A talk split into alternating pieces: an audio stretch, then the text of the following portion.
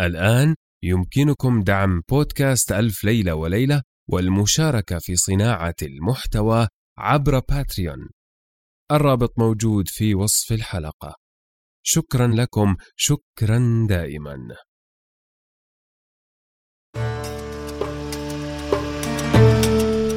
كان يا مكان في قديم الزمان وسالف العصر والأوان ملك يدعى شهريار يحب الاستماع لقصص الإنس والجان وكانت جاريته شهرزاد تقص عليه في كل ليلة قصة. هذا بودكاست ألف ليلة وليلة.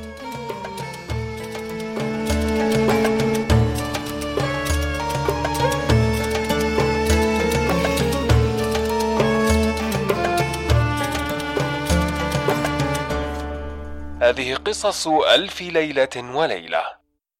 الليلة الرابعة عشرة.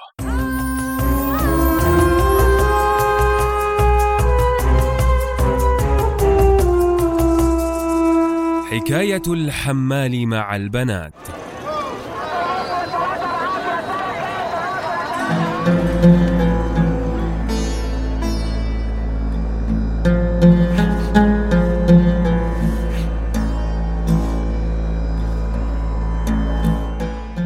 قالت بلغني أيها الملك السعيد أن الصعلوك قال للصبية يا سيدتي ثم إن بنت الملك أخذت بيدها سكينا مكتوبا عليها أسماء عبرانية وخطت بها دائرة في وسط القصر وكتبت فيها أسماء وطلاسم وعزمت بكلام وقرأت كلاما لا يفهم فبعد ساعة أظلمت علينا جهات القصر حتى ظننا أن الدنيا قد انطبقت علينا.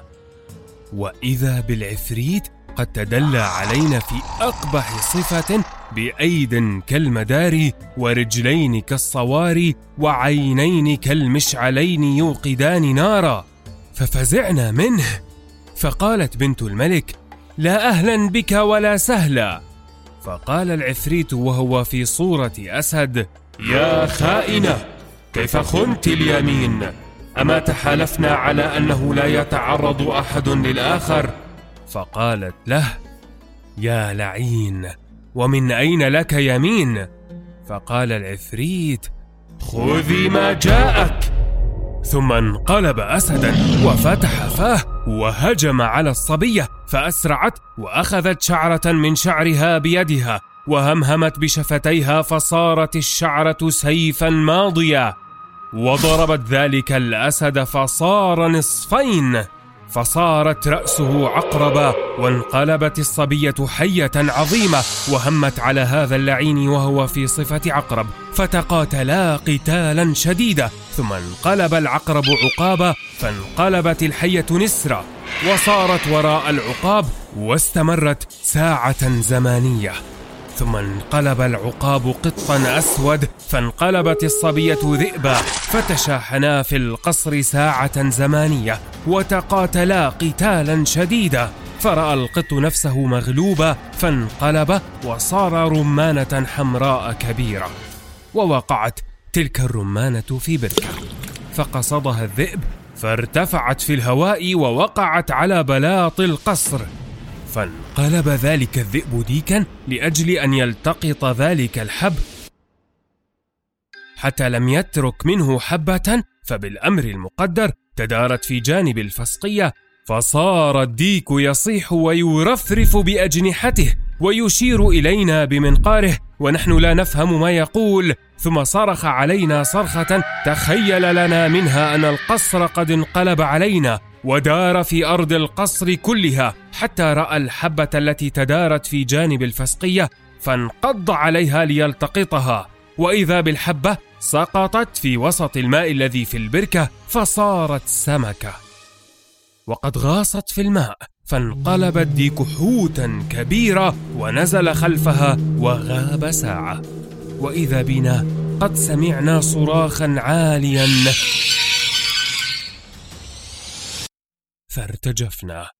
فبعد ذلك طلع العفريت وهو شعلة نار فألقى من فمه نارا ومن عينيه ومن خريه نارا ودخانا وانقلبت الصبية لجة نار. فأردنا أن نغطس في ذلك الماء خوفا من أنفسنا من الحريق والهلاك. فما نشعر إلا والعفريت قد صرخ من تحت النيران وصار عندنا في الليوان ونفخ في وجوهنا بالنار فلحقته الصبية ونفخت في وجهه بالنار أيضا فأصابنا الشرر منها ومنه. فأما شررها فلم يؤذنا وأما شرره فلحقني منه شرارة في عيني فأتلفتها في صورة القرد. ولحق الملك شرارة منه في وجهه فأحرقت نصفه التحتاني بذقنه وحنكه ووقعت أسنانه التحتانية ووقعت شرارة في صدر الطواشي فاحترق ومات من وقته وساعته. فأيقنا بالهلاك وقطعنا رجاءنا من الحياة. فبينما نحن كذلك وإذا بقائل يقول الله أكبر! الله أكبر! قد فتح ونصر وخذل من كفر بدين محمد سيد البشر. وإذا بالقائل بنت الملك قد أحرقت العفريت. فنظرنا إليه فرأيناه قد صار كوم رماد. ثم جاءت الصبية إلينا وقالت الحقوني بطاسة ماء. فجاءوا بها إليها فتكلمت عليها بكلام لا نفهمه ثم رشتني بالماء وقالت اخلص بحق الحق وبحق اسم الله الأعظم إلى صورتك الأولى. فصرت بشرا كما كنت أولا ولكن تلفت عيني. فقالت الصبية النار النار يا والدي. أنا ما بقيت أعيش لأني موعودة بالقتل. ولو كان من الإنس لقتلته من أول الأمر. وما تعبت إلا وقتها فرط الرمانه حين لقط حبها ونسيت الحبة التي فيها روح الجني فلو لقطتها لمات من ساعته ولكن ما رأيتها بالقضاء والقدر ولم أشعر إلا وهو قد أتى وجرى لي معه حرب شديدة تحت الأرض وفي الهواء والماء. وكلما فتح علي بابا فتحت عليه بابا أعظم منه إلى أن فتح علي باب النار. وقل من فتح عليه باب النار ونجا منه. إنما ساعدني عليه القدر حتى حتى أحرقته قبلي وكنت أعهد منه التدين بدين الإسلام. وها أنا ميتة والله خليفتي عليكم.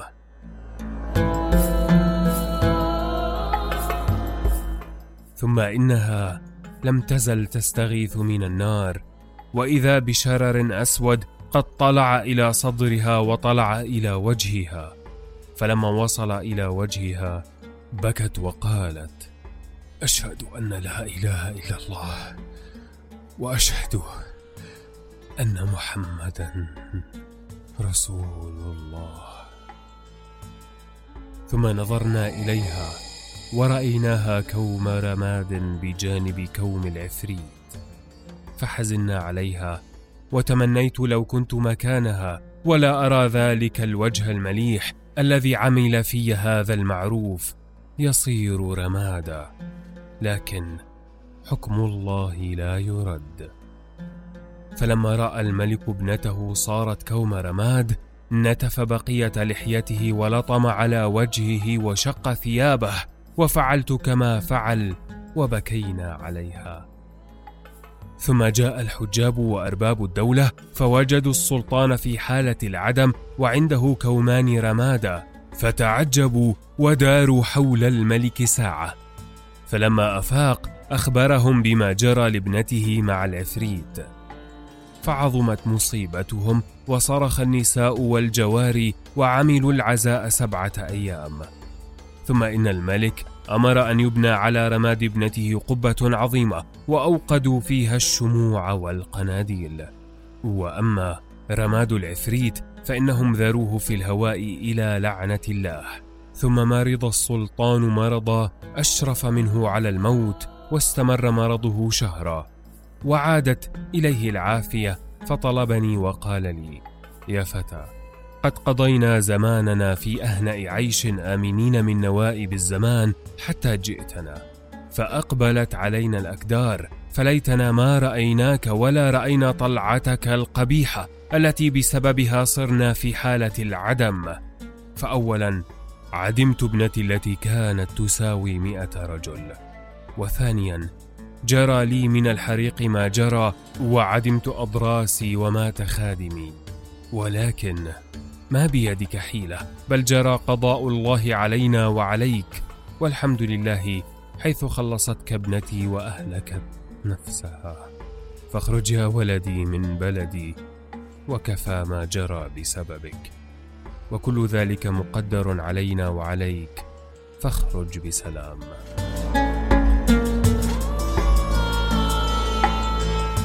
فخرجت يا سيدتي من عنده وما صدقت بالنجاة ولا أدري أين أتوجه وخطر على قلبي ما جرى لي وكيف خلوني في الطريق سالما منهم.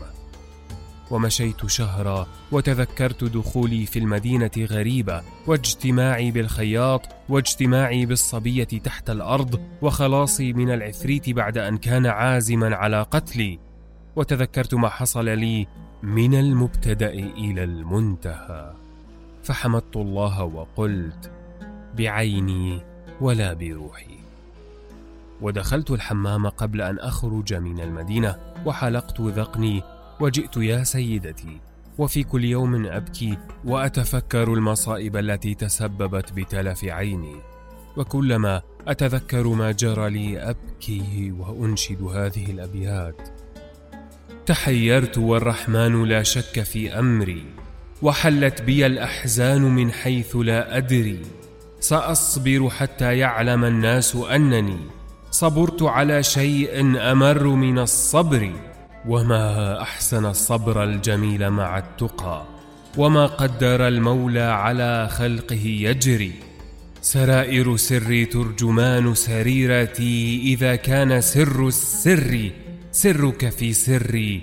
ولو أن ما بي بالجبال لهدمت وبالنار أطفاها وبالريح لم يسري. ومن قال إن الدهر فيه حلاوة فلا بد من يوم أمر من المر. وواردت الأمصار وقصدت دار السلام بغداد. لعلي أتوصل إلى أمير المؤمنين وأخبره بما جرى لي. فوصلت إلى بغداد هذه الليلة. فوجدت أخي هذا الأول واقفا متحيرا فقلت السلام عليكم. وتحدثت معه. وإذا بأخينا الثالث قد أقبل علينا وقال السلام عليكم أنا رجل غريب. فقلنا له ونحن غريبان وقد وصلنا هذه الليلة المباركة. فمشينا نحن الثلاثة وما فينا أحد يعرف حكاية أحد. فساقتنا المقادير إلى هذا الباب ودخلنا عليكم. وهذا سبب حلق ذقني وتلف عيني. فقالت له إن حكايتك غريبة فملس على رأسك واخرج إلى حال سبيلك. فقال لا أخرج حتى أسمع حديث رفيقي.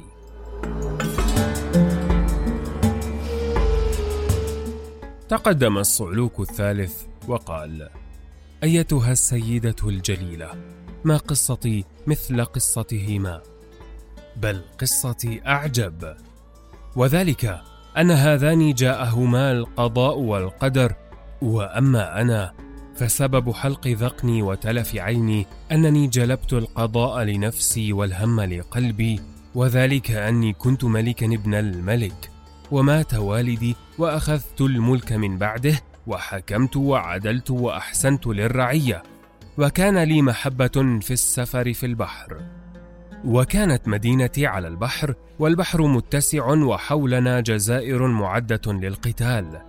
فأردت أن أتفرج على الجزائر فنزلت في عشرة مراكب وأخذت معي مؤونة شهر كامل وسافرت عشرين يوما. ففي ليلة من الليالي هبت علينا رياح مختلفة إلى أن لاح الفجر فهدأ الريح وسكن البحر حتى أشرقت الشمس. ثم إننا أشرفنا على جزيرة وطلعنا على البر وطبخنا شيئا نأكله فأكلنا. ثم أقمنا يومين وسافرنا عشرين يوما. فاختلفت علينا المياه وعلى الرئيس واستغرب الرئيس البحر فقلنا للناظور انظر البحر بتأمل. فطلع الصاري ثم نزل ذلك الناطور وقال للرئيس يا ريس رأيت عن يميني سمكا على وجه الماء ونظرت إلى وسط البحر فرأيت سوادا من بعيد يلوح تارة أسود وتارة أبيض. فلما سمع الرئيس كلام الناظور ضرب الأرض بعمامته ونتف لحيته وقال للناس أبشروا بهلاكنا جميعا ولم يسلم منا أحد. وشرع يبكي وكذلك نحن الجميع نبكي على أنفسنا. فقلت أيها الرئيس أخبرنا بما رأى الناظور. فقال يا سيدي اعلم إننا تهنا يوم جاءت علينا الرياح المختلفة ولم يهدأ الريح إلا بكرة النهار. ثم أقمنا يومين فتهنا في البحر ولم نزل تائهين أحد عشر يوما من تلك الليلة. وليس لنا ريح يرجعنا إلى ما نحن قاصدون آخر النهار. وفي غد نصل إلى جبل من حجر أسود يسمى حجر المغناطيس وتجرنا المياه غصبا إلى جهته. فتتمزق المراكب ويروح كل مسمار في المركب إلى الجبل ويلتصق به. لأن الله وضع في حجر المغناطيس سرا وهو أن جميع الحديد يذهب إليه. وفي ذلك الجبل حديد كثير لا يعلمه إلا الله تعالى حتى أنه تكسر من قديم الزمان مراكب كثيرة بسبب ذلك الجبل.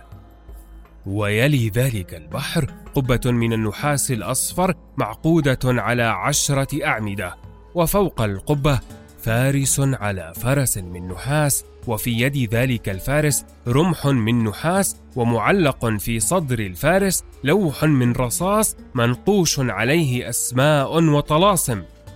فيا أيها الملك ما دام هذا الفارس راكبا على هذه الفرس تنكسر المراكب التي تفوت من تحته ويهلك ركابها جميعا ويلتصق جميع الحديد الذي في المركب بالجبل. وما الخلاص إلا إذا وقع هذا الفارس من فوق تلك الفرس.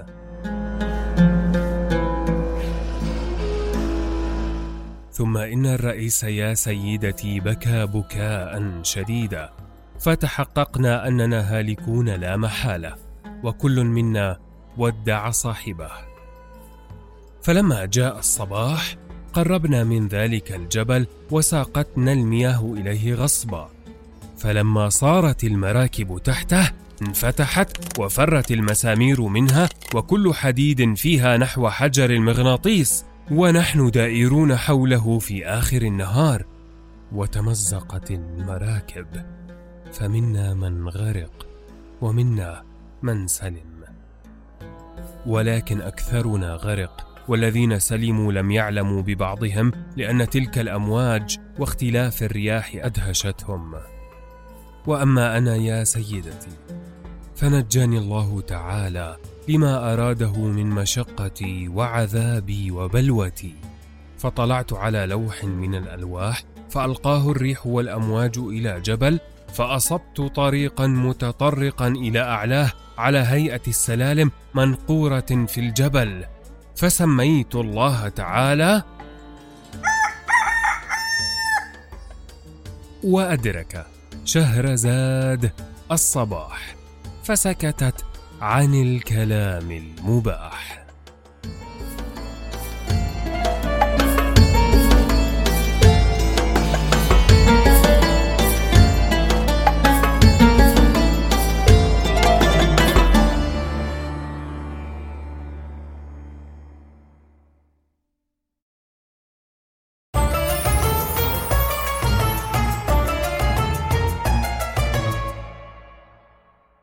هذه قصص ألف ليلة وليلة.